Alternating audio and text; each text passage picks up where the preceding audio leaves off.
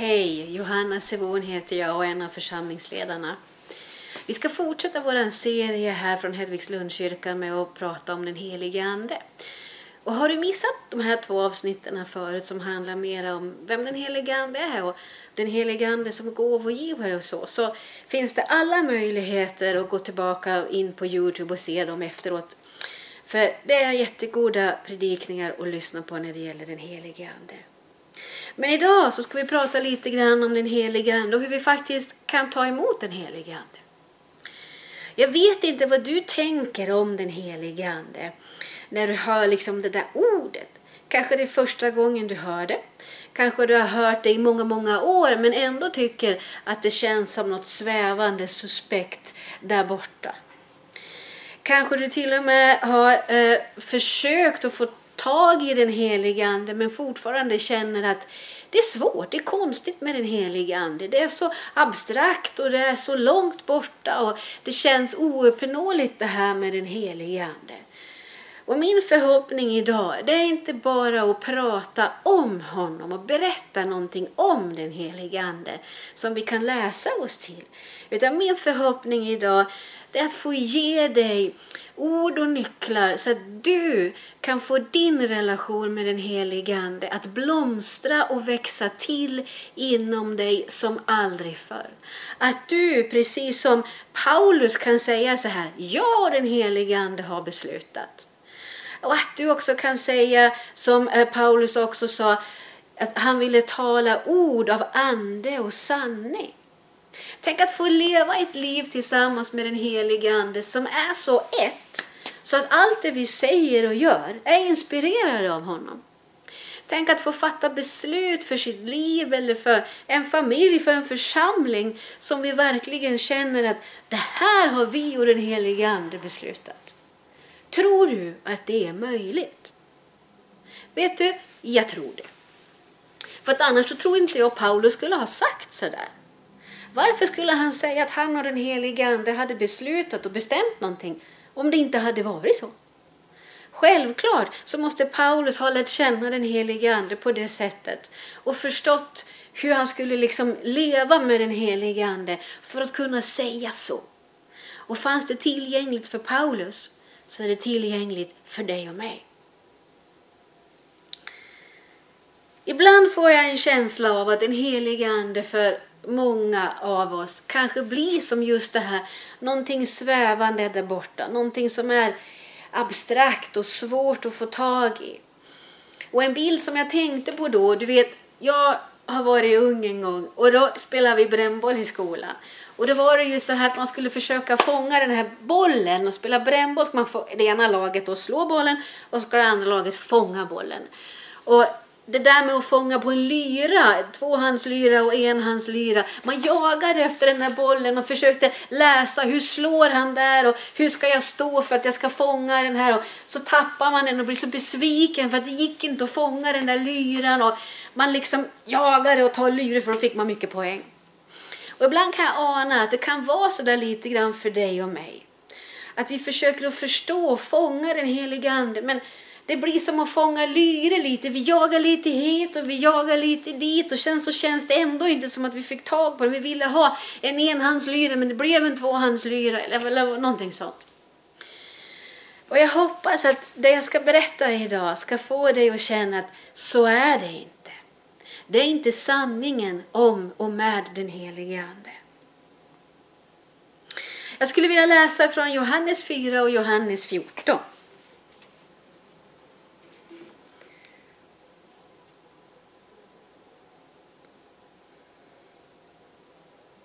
Ska vi hitta det här. Johannes 4 och vers 14. Det här är ifrån en berättelse när Jesus var eh, ute och gick och han gick till en brunn och blev törstig och ville ha vatten. Och så får han ett samtal där med en kvinna som traditionellt sett han inte skulle ha pratat med. Och han ber henne om lite vatten. Och så får de ett samtal och så svarar han henne så här en gång. Alla som dricker av det här vattnet från brunnen blir törstiga igen. Men den som har druckit av det vatten som jag ger ska aldrig, nej aldrig bli törstig igen. Det vatten jag ger blir en källa i honom med vatten som kontinuerligt flödar fram ända till evigt liv. Och Johannes 14 tar vi från vers 18 där. Det här är när Jesus eh, pratar och undervisar sina lärjungar innan han liksom ska lämna den här jorden, när han börjar på att ha gjort sitt så att säga, innan han ja, ska lämna oss. Då säger han så här.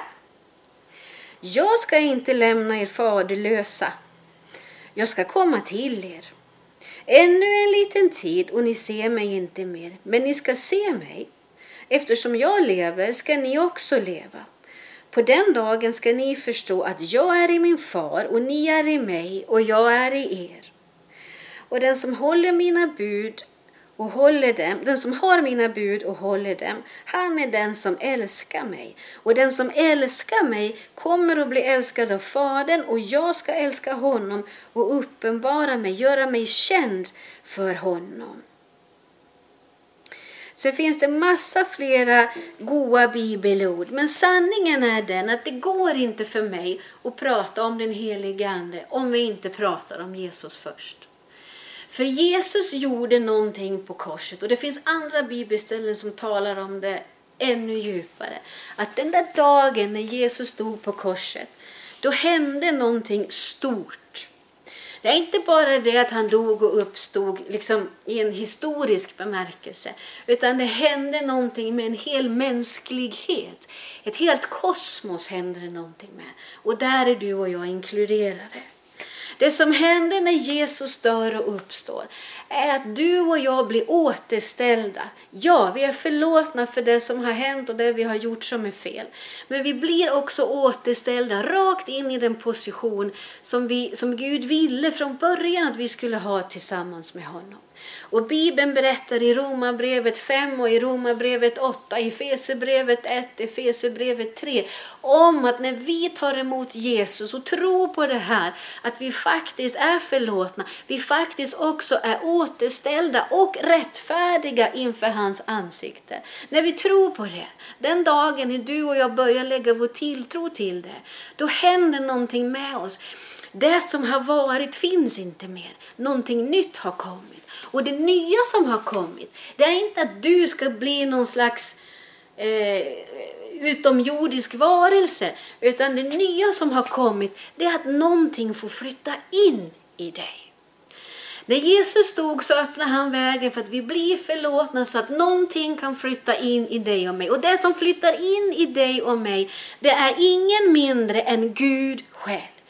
Jesus flyttar in i dig, Gud far flyttar in i dig och Gud den helige ande flyttar in i dig. När du blir frälst så blir du insluten och omsluten av den perfekta gemenskapen i treenigheten av Gud, Far, Gud, Son och Gud helig Ande. Det är grunden för, för evangeliet, det är grunden för det vi tror på, det är grunden för det, det Bibeln talar om i fortsättningen. Att du och jag, vi är förlåtna, men också han kommer till dig. Han bor i dig. En annan översättning, Johannes 14, 21, så säger det att de kommer till oss för att göra sitt hem i oss. Och gör man sitt hem i någon, då kommer man för att stanna. Då kommer man inte för att hälsa på. Man kommer inte få checka läget. Man kommer inte för att bara kolla av. Man kommer för att stanna och bygga någonting, bygga ett hem i dig. Så den dagen när du blir frälst, den dagen när du kanske inte är frälst nu men vill bli frälst, börja tro på det glada och goda budskapet om Jesus. Då flyttar Gud själv in i dig. Och det är därför i Lukas eh, 15 en annan berättelse. Gud som far i en bild, i ett bildspel där berättar om att allt mitt är ditt. Gud säger det till sin son. Allt mitt är ditt därför att jag dog och vi flyttade in i dig. Så allt det himlen har kommer som i en trattform ner rakt in i ditt hjärta. Och där är den helige Ande. Så den dag du blir frälst så flyttar den helige Ande in i dig. Så han är ingen brännboll som vi ska fånga i någon lyra. Han finns inom dig. Och det här är en stor grund för kristendomen, att du och jag behöver inte leta efter Gud på det sättet, utan när vi bestämmer oss för att lägga vår tro till honom, då kommer han och bor i oss. Han är i oss. Men visst, det kanske inte känns tjoho på en gång. För en del gör det det, den där dagen när man tar emot Jesus. För andra blir det en stilla, lugn viskning. För det är så här att när han flyttar in i dig så får han ett område där han börjar att växa och bo i dig. Men precis som att bygga ett hem så bygger han någonting i dig och får kanske större och större utrymme när du och han lär känna varandra där inne. Den helige Ande vill få mer och mer utrymme utav oss. Den helige Ande inom dig vill få gemenskap med dig. Han vill inte att du och jag ska pricka av en lista av uppgifter att göra, utan han vill skapa en relation av kärlek till dig och mig, så att vi av kärlek gör saker för honom. För mig har det blivit en viss stor skillnad. För många gånger i mitt liv när jag växte upp så kände jag mig här och Gud är där och så försöker vi nå varandra och ibland gick det och ibland gick det inte alls. Sen när man växer så lär man sig saker och ting och jag fick lära mig och jag fick se att så talar ju inte Bibeln om att det är. Utan Bibeln talar om att vi sitter ihop. Den dag vi blir frälsta så sitter vi ihop med honom och ingenting kan faktiskt skilja oss såvida inte jag själv säger hej då. Men så länge jag inte gör det så sitter vi ihop. Och den grunden ligger till grund också för hur du och jag får uppleva den heliga Ande. Så det första jag vill ge till dig är att du behöver, tror du på Jesus, behöver du inte leta efter den helige Ande. Utan du kan börja anamma och tro han finns här. Sen är det klart, naturligtvis, det finns berättelser i Bibeln när folk får vara med om stora liksom som upplevelser och att man får se hur den helige Ande verkar i människors liv, i en hel folksamling. När den helige Ande går fram, som man säger, när den helige Ande gör saker som är lite övernaturliga, fast naturligt övernaturliga. När den helige Ande sätter folk i glädje eller sätter folk i hängiven lovsång eller helar människor från sjukdomar bara bänk efter bänk efter bänk. Det är ju så här att även om den här grunden finns utav att den heliga Ande bor i dig och mig så talar Bibeln om att Gud vill komma och ge oss uppenbarelse, att han vill ge oss eh, det här eh, uppfyllnaden av honom själv. Och det sker också. Och en liten bild på det kan vara att man tar exemplet ifrån det här med Guds ord. För Bibeln i sig, Guds ord till dig och mig, det kallar man för logos. Allt det som står där, det är ständigt aktivt, det är ständigt viktigt och det är ständigt Guds logos till dig och mig. Men ibland så kan det vara så att ett speciellt bibelställe blir levande som vi säger. Ett speciellt bibelställe kommer till liv eller det talar på nytt till mig. Jag får en större förståelse för det eller det får en stor glädje av det. Jag blir uppfylld av det där ordet att Herren är min herde till exempel. Och så blir det med den helige Ande också. Grunden ligger här. Men det finns momentum, det finns stunder när vi får uppleva på djupet mera saker av det som redan finns i grunden. Och den bilden kan du ha med dig därför att vi vill ha samlingar i en kyrka, i vår kyrka, där vi verkligen får känna och se de här verkningarna utav den heliga Ande. En annan bild kan vara att du och jag, vi andas luft hela tiden. Luften finns ju här hela, hela tiden. Nu när jag andas åker den in och ut i min kropp, men jag tänker ju inte alltid på det. Och att luften finns och att vi har en atmosfär runt omkring oss, den tar vi ju för givet på ett sätt som en grund för vårt liv. Men sen ibland får vi se verkningarna av den här vinden, av den här luften. När den kraftiga vinden kommer, virvelvindar, tyfoner och allt vad det heter. Då ser vi verkningen av den här vinden, men det är ju samma luft. Det är samma beståndsdelar som precis det här lugna andetagen eller det du ser här och tar på här och nu. Det är samma beståndsdelar men det är bara en annan verkningsmekanism på det där. Så är det också med den helige Ande. Och Gud vill inte att vi inte ska få uppleva något av det här. Utan Guds tanke är god ständigt. Han har ständigt goda tankar. Så därför när han ser på dig och mig så vill han att vi ska få en ännu större upplevelse av att han faktiskt finns på insidan. Han är här med sin heliga Ande. Men att han också kan komma med virvelstormar och upplevelser för oss. För att han är god. Och allt det den helige Ande gör, allt det den helige Ande vill göra, det är att glorifiera, upphöja och ära Jesus. Det som Jesus har gjort, den vägen han öppnade. Det är det den helige Ande vill få dig och mig att få en större, djupare insikt om. För när vi får tag på det, då blir det mycket lättare att berätta för någon annan om honom, om Jesus Kristus själv.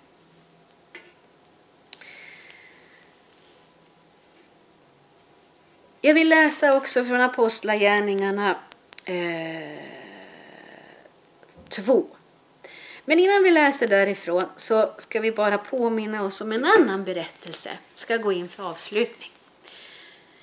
Jesus dog och uppstod för att vi skulle få allt det här. Och han visade sig för lärjungarna efter det här hade hänt. Och sen så, som så här nästa vecka när vi firar Kristi himmelfärd, så åkte han ju upp till himlen och han sa en del saker till lärjungarna då. En sak som han sa var att de skulle gå ut och berätta om honom för världen. Men han sa också, men innan ni gör det så ska ni gå tillbaka till Jerusalem och vänta där till ni får kraft. Han hade berättat för sina lärjungar om den helige Ande, att den helige Ande skulle komma. Han hade instruerat dem nu då att gå tillbaks och vänta där så ska ni få kraft. Lärjungarna gick tillbaka och det gick nog några dagar en tid innan det hände något annat. Och det står om det i Apostlagärningarna 2. Alla var samlade tillsammans på en plats när pingstdagen kom. Då kom plötsligt ett ljud från himlen som när en våldsam storm drar fram och fyllde hela huset där de satt. Tungor som av eld syntes och de fördelade sig och satte sig på var och en av dem. De blev alla uppfyllda av den helige Ande och började tala andra språk eftersom den helige, äh, allt eftersom anden gav dem ord. Lärjungarna fick nog där och då bestämma sig. Ska vi tro på det Jesus har sagt? Ska vi tro på det han har sagt eller ska vi gå iväg nu? Ska vi tro på det han säger till oss om att vi måste gå tillbaka och vänta fast vi ska gå ut och prata om honom? Ska vi tro på det och göra något av det eller åt det? Och lärjungarna valde tydligen att gå tillbaka och vänta i det här rummet, förmodligen som de var i då. Och vänta på att någonting ytterligare skulle hända innan de skulle gå ut. Och du och jag har också ett val. Hur mycket tro lägger vi till det Jesus har sagt? Kommer vi att ta till oss det i våra hjärtan och tro på det? Kommer vi som lärjungarna att sätta oss i en position i en, i en, ja, men en position för att det också ska hända. Och sen låta det hända. Det finns många eh, åsikter och tankar kring den helige Ande. Det gör det. Och den helige Ande vill som sagt bara förhärliga Jesus. Den helige Ande har alltid ett syfte. Men den helige Ande kommer att invänta din och min tro på det Jesus har sagt, på det han ger oss. Den helige Ande kommer inte att ta över dig och göra dig till en rymdvarelse någonstans som, som, som du ska bli någon annanstans. Utan han kommer för att du ska bli den sanna du som du är skapad att vara. Den helige Ande, det står om honom, den helige Ande, att han är vår hjälpare som vi har hört. Det står om honom att när han kommer och bor i oss så ger han oss gåvor som får växa till i oss så att du och jag blir mera lika Jesus. Det är syftet också med honom. Tror vi på det? Tror vi på det här att du och jag tillsammans med din helige Ande kan få fatta beslut och ha en påverkan, en inverkan på vår omgivning, på vår stad och på vårt land? Bibeln talar om det. Tror vi på det här att han också pratar med dig här inne och att han pratar med mig här inne? Tror vi på det att vi kan höra hans röst? Att han kan ge oss vägledning? Tror vi på det att i varje situation som vi möter så har han någonting för dig och mig att ge. Tror vi på det, att allt det Gud har i himlen också finns tillgängligt här. Om vi tror på det, låt oss då positionera oss så att Gud själv får komma och ta över. Att positionera sig för mig, det handlar om hjärtats inställning. Det handlar om att okej okay, Gud, nu vill jag gå med dig, vandra med dig. Jag lägger ner mina planer, mina tankar, hur jag ser på saker och ting. Jag lägger ner det jag kanske har trott som jag inser kanske inte är den totala sanningen nu. Jag lägger bort det, jag lägger ner det. Och här står jag, här är jag och jag tror på dina ord. Och jag är tillgänglig för dig och vill lyda det, det du ger till mig. Tror vi på det? Och tror vi på det att Gud själv bor i oss men att vi också kan uppleva honom var som helst och när som helst. För Bibeln talar om att den heliga Ande är utgjuten. Han är redan utgjuten över allt kött här på jorden. Då vet vi också att vi kan uppleva honom var som helst och när som helst och hur som helst. För han är inte långt borta från en enda en av oss. Han är nära. Så tror vi på orden tar vi dem till oss, att vi kan positionera oss så att Gud får hjälpa oss och att han får bli större inom oss. Och när den heliga Ande flyttar in, ska bara avsluta med det, så kan du och jag låta han få växa här inne genom att vi lär känna honom. Och det blir som ett träd. Först kanske det är som ett frö. Och du vet, de flesta växter växer neråt först innan de växer uppåt. Och ju mer vi lär känna den heliga Ande inom oss, Gud inom oss, ju mera lättare blir det för de här synliga frukterna att synas för andra människor. Men vi behöver ta tid och lära känna honom. Vi behöver tro på orden. Vi behöver ta tid i stillhet och ensamhet med honom och lära känna honom. Vi behöver i tacksamhet säga jag tror, jag tar det till mig. Jag brukar säga till en del, tänk så här, tro så här, tänk så här, tro så här. Det är nog han, det är nog Gud inom mig som säger något eller pratar nu eller ger mig något. Tänk inte så här, det är nog inte han, utan tänk, det är nog han. Därför han är god och han vill visa sig för oss. Han är god och han vill att du och jag ska få uppleva honom här inne och överallt. Han vill att du och jag ska få se att himmel och jord inte längre har någon gräns utan att det sitter ihop. Så min bön för dig idag är att du ska få känna att den helige Ande är nära dig och i dig. Men att han också finns överallt runt omkring oss och kan komma med virvelvindarna. Att du och jag kan få tro på de här orden som han har sagt genom hela Bibeln. Och att vi kan få tacka och ta dem till oss och sätta oss i den positionen med våra hjärtan. Att det här vill jag tro på. Det här tar jag till mig. Tack Jesus att det är sant. Och när du växer till som ett sånt här träd inom, tänk vad mycket frukt du kommer att ha och ge till de andra runt omkring dig. Det är en biblisk sanning. Har du frågor? Vill du komma i kontakt med mig eller någon annan för att prata vidare om Jesus, om frälsning, om din helige Ande? Tveka inte att höra av dig till oss, antingen här nu i sändningen eller via sociala medier eller mejla till oss via hemsidan. Vi önskar allt gott till dig och din vandring tillsammans med Jesus. Och nu vill jag be för dig att det här ska få landa i dig som nycklar. Tack Jesus för att du är med oss varje dag och varje stund. Tack för sanningen att du bor i oss. Och tack att det betyder att vi aldrig är ensamma. Tack att det betyder att vi har himlens arsenal inom oss. Tack att det betyder att du helige Ande redan finns i varje människa som har sagt sitt ja till dig. Och Herre, jag ber för den som har sagt sitt ja till dig men inte känner att man känner dig. Herre, jag ber om den där stillheten där du får komma och visa att du är där. Tack Herre för att du använder alla våra sinnen.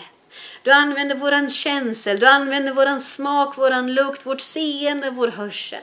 Herre, tala till oss på det sätt och alla sätt. Tack att du ständigt är nära oss och du vill prata med oss. Men tack Herre också för de här stora manifesterande verkningarna av din heliga Ande. Tack när du gör under, tack när du gör mirakel Herre. Tack när vi får känna din atmosfär här utanför Herre. Tack att det också är en sanning att du är utgjuten redan nu och du är aldrig långt borta. Utan vi kan få uppleva dig när som helst och var som helst. Tack att du kan tala till oss igenom vad som helst på den här jorden. Men Herre, nu ber vi för varenda människa som lyssnar, för mig, för alla här, Herre. Att vi tillsammans skulle få växa till i våra rotsystem i våra hjärtan. Av att lära känna dig, av att lära känna din helige Ande. Så att vi får blomstra och bära frukt till en värld som så behöver. Herre, låt oss få ha och se verkningarna av det liv som du lever på insidan av oss.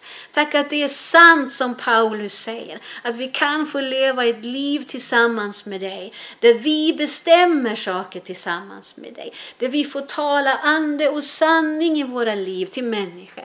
Och tack Jesus för att du är, och du helige Ande är det här källflödet av ett friskt levande vatten inom oss Herre. Tack att det inte meningen att någon av oss som tror på det skulle få ha torka, utan det är mer ett levande flöde som ständigt flödar ända in i evigheten. Och jag ber Herre att din helige Ande just nu berör människors hjärtan.